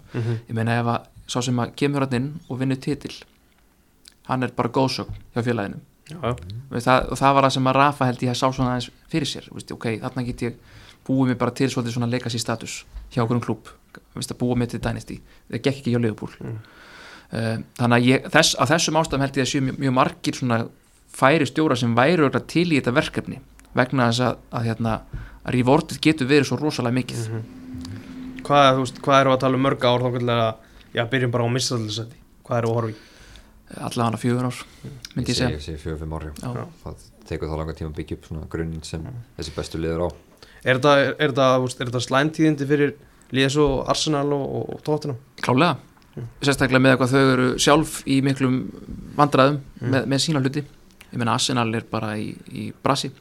Uh, Tottenham þeir, þeir stíðasöfnuna lítið betur út heldur en spilamaskan hefur verið.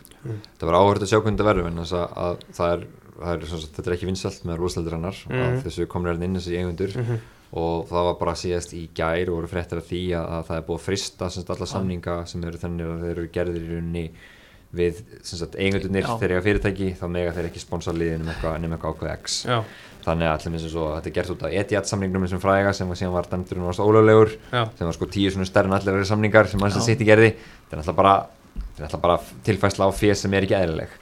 Þannig að þeir þurfa að vaksa náttúrulega en þá segi ég aftur þeir geta vaksið mjög hratt náttúrulega þess að það var svo búið að vera svo lélegt mótan í gangi að þeir geta bætt þetta svo hratt. En til þess að verða í rauninni alvöru risafélag þá þurfa þeir að fá og ná árangu þeir þurfa að fá risastjörnu. Með risastjörnu fáið miklu hærri sponsorsamninga. Og þá kemur þessi áhugi og hægt og bítandi vaksa þeir það hratt í tekjum Já. að þeir geti orðið þannig að þeir verður fara að bera sér sama við þessi, þessi bestu lið sem er að velta í kringum 500 miljónum punta ári. Uh, það mun taka svona 4-5 ára að gera það ég, ég, mín tilfinning er svo að, að stuðningsmenn Newcastle vilja heldur ekki gera þetta á hratt. Þeir vilja ekki sleppa þessum skrefum sem það er að taka. Þeir vilja bara svona, vilja bara svona vera hverju ári að verða betur og betri. Ég held að þau séu alveg sáttir bara við eftir fimm ára að vera bara í barátum og komast í mestallitina Ég held að við sáttu við allt Já. sem er ekki mækarsling svona, einmitt, en að ég held að, að, að ég, þessar reglur eru bara fínar. Ég held, ég held að þessi enginn sem hafa áhuga því að gera þetta eins og Chelsea gera þetta hérna, fyrir uh, svona cirka tveimur áratugum. Það sem að, veist, þeir bara, klúbrunni keftur og bara, búm, Þá náttúrulega var ekki fænast að fyrirblið, þá máttur bara dæla peningum inn. Já, Svo náttúrulega City kom, sem sagt náttúrulega er svona tvö, tvö City tímabil annars verður að taka sína vadra og svo náttúrulega eftir fænast að fyrirblið að þá náttúrulega sko fundu City menn leiði til að þverra brjóta allar þær reglur, hægri vinstri. Og ég held að sko, þú veist, Newcastle munu ekki komast upp með það eins og Nei. City gerði og það er bara gott. Já. og ég er Nei. sammála Jóni að við sko, eins og ég, það er svo mikið til staðar þarna, þeir voru ekki að kaupa sko þú veist, eitthvað smálið, Skonþorp skilur, þeir voru að kaupa Newcastle sem er með svo opbóstan profæl að þeir munu geta komið veltunan upp í 400-500 miljonar punta á 5, 4, 5, 6 árum. Easily sko. Þá eru þeir konum með lið sem er að fara að fæta bara allt, öll önnur hinliðin á mælikvarðin bara, þú veist, bara það eru að fara að bera saman Newcastle og bæinn Þú veist, ég ætla, ég ætla ekki að fara of djúpt í eitthvað svona móralst skilur að þeir séu að kaupa félagi en þú veist, er þetta er þetta svona eitthvað blettur sem að maður er ósáttu með? Að, sérst, að prinsinn sé að kaupa Newcastle Þannig þeim þar sjóna við já, maður náttúrulega getur ekki tort augum, að loka augun fyrir því að, að veist, þetta er ekki einstaklingar sem er með allt sitt á hreinu sko, samvinskulega, séð. Uh, ég veit það ekki þetta er svona, maður verður, svona að reyna að, að missa sig ekki þóragliðin yfir að, að vera allt í náttúrulega ríkasta félagi heimi Mm. uh, með að við hverjir eiga klubin uh, en ég meina þessir aðlæri líka Facebook. Þeir eiga, eiga töluvert í fullt af stórum fyrirtækjum sem við notum daglega sko Mm. uh, ég skil vel reyðina í kringum þetta að það sé, og, og sérstaklega þá uh, aðstendur þessa blaðamann sem var myrtur á sínu tíma. Jamal Khashoggi. Já, hann að ég, um, ég held hann ekkert að bara að loka hérna augunum fyrir þessu sko en, en, en, en ég held að stuðnismennandi séu bara svo rosalega fegnir að vera laus við Asli að þeim, þeim var alveg bara svona nokkuð þeim sama hver kipti klubin þetta var komið þangað heldur sem mikið þetta átt að svo því að það er ekki stuðnismenninni sem ráða hver nei. ráðaðindin þannig að það þarf náttúrulega að hafa það svona það þarf að aðskilja þetta tvent þú getur ekki krafist þess að stuðnismennu sem halda með liðunni sínu allt sem tíð að þeir yfirgefi klúbun út af því að koma ykkur ægend og kifti það. Mhm. það er heldur ekki rétt af því þetta er rauninni líka þeirra klúbur bara með öðrum fórsöndum að því sögðu líka þá náttúrulega bara eins og Alan Shearer myndist á og og hann náttúrulega eins og segi hann var mjög ánægð með að losnaði með Gasly en tölum um þetta, vekjum Mm. aðtekla á þessu mhm. vekjum aðtekla á því að þarna er ekki hluti sem er góð lagi ef við vekjum aðtekla á því Já. að þá allavega fá, fá það meiri umfyllun fyrir vikið og kannski breytst þið batnar, ég er ekkert eitthvað allt og samfærum að það gerist, Nei, nei. kannski með tíu og tíma um, þess að þetta eru, þetta eru við ráðum ekki við þetta sjálf en auðvitað er þetta ekkert frábært og þú veist, ég veit alveg að Roman Abramovits fekk ekki í sinu all, all, alveg stálheðarlega sama og við um eigundir Manchester City Já. þannig að þú veist, það er bara svona er þessi fótboll í dag og maður þarf bara að aðskilja annars vegar bara fótbolltan sem, þú veist, það sem, þú veist, ég finnst gaman að horfa með Mason Mount og Romelu Lukaku versus svo pólitíkin á baku þetta. Já, maður reynir líka kannski bara að horfa á þetta sem tækifæri að þarna er, er þessir aðilar að opna smá svona högstað á sér í rauninni. Þeir, það hefur verið auðveldra fyrir það að kaupa ekki njúkasúl bara gagvart þessar umræðu. Þannig að það er spurning þá bara að maður reyna að nýta klukkan já, til þess að reyna að, að pressa á þá að bæta sín, sín mál. Ég meina þeir eru svo sem búin að gera það varandi sjónvarsætta samningana í Sáti sem voru sjóran ekki saman já, sem voru ótrúleir Þann, stórfyrir þa- þannig að, að, að það eru líka tækifæri í þessu fyrir okkur sem svona vestrana þjóður til þess að að setja mér pressu á sáti að standa sér betur Mhm. í sínum málum. Alltaf allt önnu menning heldur en við þekkjum. Mhm. og hérna og við, þur, við þurfum bara svona að reyna að setja pressa á þá. En ég bara vekk aðtikla því, ég meina þessi sömu aðlar eiga rosa mikið af samfélagsmiðlum eða stóra þátti sem við notum Já, já, og það er engin að setja eitthvað spurningamerki við það en ég skil vel að, þegar heilt, heilt fótballtalið og heilt samfélag nánast er kift eins og er gert þarna í Newcastle að þá vakna spurningar um Mm. þessi mannrættinda sjónamið og svo framvegis. Og við bara fögnum því, við bara fögnum því að þessi umræða sé tekin. Vegna þess að, hérna, að við viljum nýta hana glugga til þess að reyna hvað sé svona íta málefnum Mm. uh, fyrir bóttum viðrafs í, í betri átt. Ég held að það sé mjög góð punktur sem að Jói kom inn á að þetta er ekki náttúrulega stundismenninni sem velja velja hverju er að kaupa félagi en, en þeir völdu mögulega hana klubb út af stuðnismannum Jú, jú, akkurat. Uh, Nóa af Newcastle, mjög góð umræð Endum þetta á Arsenal Krista Pallas 2-2 í gær. Uh, Arsenal kemst yfir snemma leiks en Krista Pallas er svona snúið sér við og, og þú veist, bara allt stefnir í að þeir sé að fara að ná í hana. 2-1 sigur.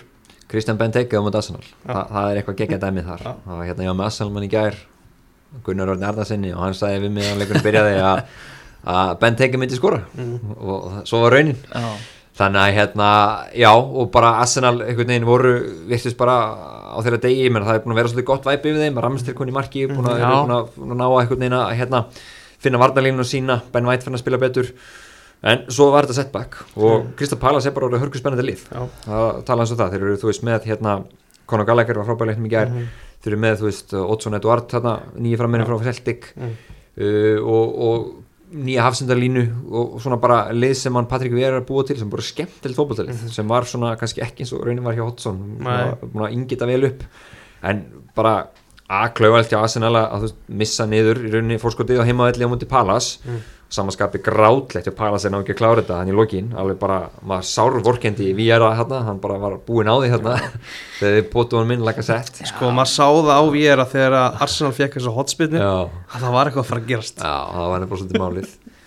En hérna, hörg fótballtalegur Já, Já, ég er búin að sjá rosalega marga leiki svona hjá Arsenal þar sem þeir byrja leikin mjög vel og það lúk,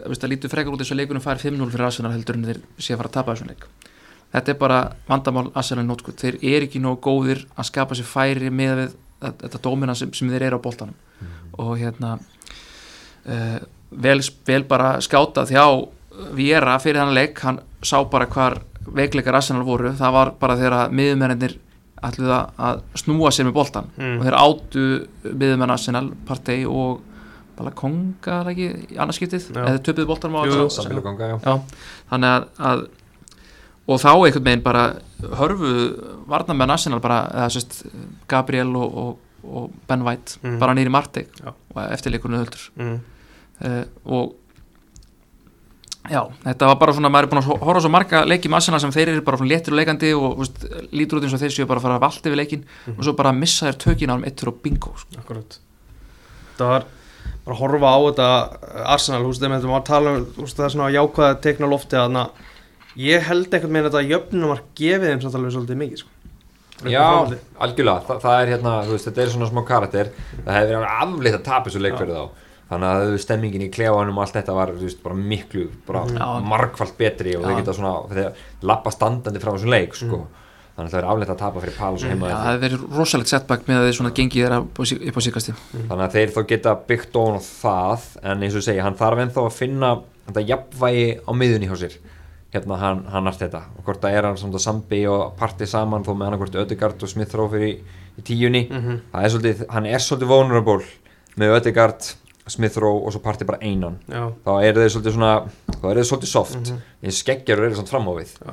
þannig að það er svona, hann er ennþá í svona smá balanseringu hann allt þetta þar. Já, eru þeir ekki bara aðeins veist, þetta er bara samandan mál og búið að vera núna sístu þrjú, fjögur árin að það vantar bara eitthvað karaktera hana sem að svolítið svona taka ábyrð á þessu liði þeir eru rosalega svona bara litlir í sér. Já, já, það hefur verið svolítið þannig. Og maður, þeir voru að vonast til þess að Thomas Partey er því svona ságægi þegar hann er hann heill, hann væri svona náðingi sem myndi svona vera um svolítið stálið. Einmitt, og hann er svona að vera þokkalega að spila núna en, en hann átti ekki góðan líka gerð Nei, hann virkar ekki, þú veist, rosalega hávar eða svona, Nei. eitthvað svona út af við Þess vegna, þú veist, held ég alltaf að þetta, þú veist, þetta er alltaf að tala um að sjaka sé inn og út af það, þú veist, hann fá alltaf kalli Ætli það sé ekki bara, þú veist, að það er eitthvað hint af karakter í þeim gæja Jú, hann, er, hann, hann þólur ekki að tapa Já. það sést á honum og misslust á skapísinu líka Mhm. en, en ég held að það sé hvert máli ég held að hann sé svona hann er alveg hermaður, hann, hann, hann hérna grænsega og, og svona, þú veist, það er skap í honum og þeir eru, eins og segi, það er kannski ekki maður sér ekki mestu lætin í Smith Rowe og Ödegard þeir eru nú svona bara svolítið gútlara sko Mhm. og, og Pepe og, og Saka og svona þessi, þetta eru flinki fótboltamenn og gaman að horfa á það, því svona easy on the eye og allt það, Mhm. en það er ekki hérna kannski þessi svona það er ekki þetta skap og svona, þetta er svona nýtti gritti til að vinna fótbollir í gennsúrstuðinni þá þarf það að vera bara svolítið þú veist, það, þarf það að vera að geta spila, spila ljótt líka. Og Arsenal Já. eru ekki þar. Já, mér finnst bara að Arsenal skapa svo, fá, fá færi Mhm. í öllum leikjum. Þeir, þeir eru rosalega mikið með boltan en það kemur rosalega lítið út úr því. Þeir, hérna, þeir fá ekki sömu, þeir ná ekki að spila sér blátt inn í, í vartin aðstæðingar eins og City gerir og Liverpool. Þeir, að, þeir eru bara ekki nóg rúðfles Nei. Uh, Átti James MacArthur að fá rauðspjöld það er þetta réttlega en, en mér var sett allir læg, bara svona þú veist, já, þetta leiti ítl út í endursýningunni Mm. en, en ekki þannig þegar maður horfður á þetta svona í eðlum nei, Já, mér fannst þetta einmitt ekki vera læg fyrir eitthvað sko. nei, þú, það, þetta lítur mjög vel út úr þessu sjónurvætni sem hann sparka beint aftan í, í á uh, ég maður er svo sem séð ímis rauðspjöld fara á loft sko fyrir minni sakir en þetta en, en mér fannst uh, hann áttur endur að vera búin að fá guldspjald Mhm. hann á undan uh, þegar hann reyf hann eitthvað í Smith Rowe Mhm. þannig að hann hefði líklega uh, verið Salomon Stómar hann fengið setna gula þarna já með, með, já, með þeim raukum þá Já. en beint rautu þetta dómarinn er ekki alveg þarna þeir eru að leifa eins meira og mér finnst allt í læg Mér finnst að þessi leiku vera mjög vel dæmdur hjá Mike Dean í ger, það var svona leiðið í leiknum svolítið að flæða og stundum eiginlega aðeins og mikið. Hann kom með, einu ein tímpúti var komið tvær hérna tvisar búin að leifa hagnað og svona, það var enginn eftir í sókninu í Arsenal. Það var hérna en, en, en ég, við viljum hafa þetta svona, þetta er svona að sé, megi aðeins svona nartimenn og ríðumenn á þess að sé alltaf flauta sko, veist, og bara leifa boltar aðeins að flæða. Um, en, en jú, ég held að þetta, þetta jöfnumark hjá laga sett þarna í restinningar hafi gefið aðsamönum smá vona að þeir séu búin að snúa við blæðinu mm. að, að þeir séu svona ekki alveg jafn glataðir og þeir geta stundu verið Európa-dilda sæti, er það ekki bara það sem Arsenal er að fara að gera á tímabilinu? jú, jú, þú veist, það er bara þú veist, þeir eru áttulegir um 11 stig mínus 5 markatölu, Mm. þessi búið með fullt eru leikjum og allt það en, en það, sko ef þið myndir ná fjóraðsettinu Mhm. þá verður það bara massíf overachievement Já, já. hjá Akkurat. þannig að þú veist og það fyndi að tala um Arsenal þetta er ekkert endilega Arsenal sem hann er vanur þetta gamla góð Arsenal og Mm. ég meina þú veist, fymta seti Arsenal er frábæra eins svona, já, Arsenal og það hljómar Mhm. það er það bara þannig Já, ég var, ég var rosalega hrifin af eh, þessum japanska hérna, bakverði í Arsenal-liðinu hérna, Tomiyasu. já, í leiknum uh, hérna, sem við spilaði á undan, ég man ekki alveg móti hvernig það var en, veist, þannig að þeir eru svona allan að, veist, þeir eru að koma þessum leikmönum inn í, í sem eru búin að vera fjárfist í þeir eru að koma meir inn í þetta plan og hérna, týrni mjög flottu vinstra menn uh, ég var eins og mjög óanar að sjá Martinelli koma hann inn í gær og þegar hann þurft að þegar var hérna á 94 mínútu og fjórum mínútu bætt við og hann er að taka hann einhverja einhverja fáránlega leikfléttu hérna út í vinstra megin sem endar í yngasti þessum bolta þarf bara að koma fyrir inn í teik sko. og þannig að það, þeir eru svolítið bara að spila fyrir sjálfan sig sem geðar hérna það vanta meira hjarta í þetta arsenalið Já. og bara dráps eðli. Því þeir, þeir eru í allt og mörgum leikjum þar sem þeir eru að dominara bara einu marki yfir. Er eitthvað, þú veist, eitthvað að lokum áður en að við slúðum þessu? Eitthvað sem þið vilja koma inn á meistadildin núna í kvöld og Já. vikunni, bara nú á fótbolta. Mm. fegin að landsleika sé búið og nú er bara fullt á bolta framöndan já, rosa gott að það er búið. Já, Það er- bara fegin allir. Já, ég held allir séu ánæði með það. Já, svona eftir að við hættum að geta eitthvað í meðal landsliðið og þá- spilum við líkt en það er ekki gaman.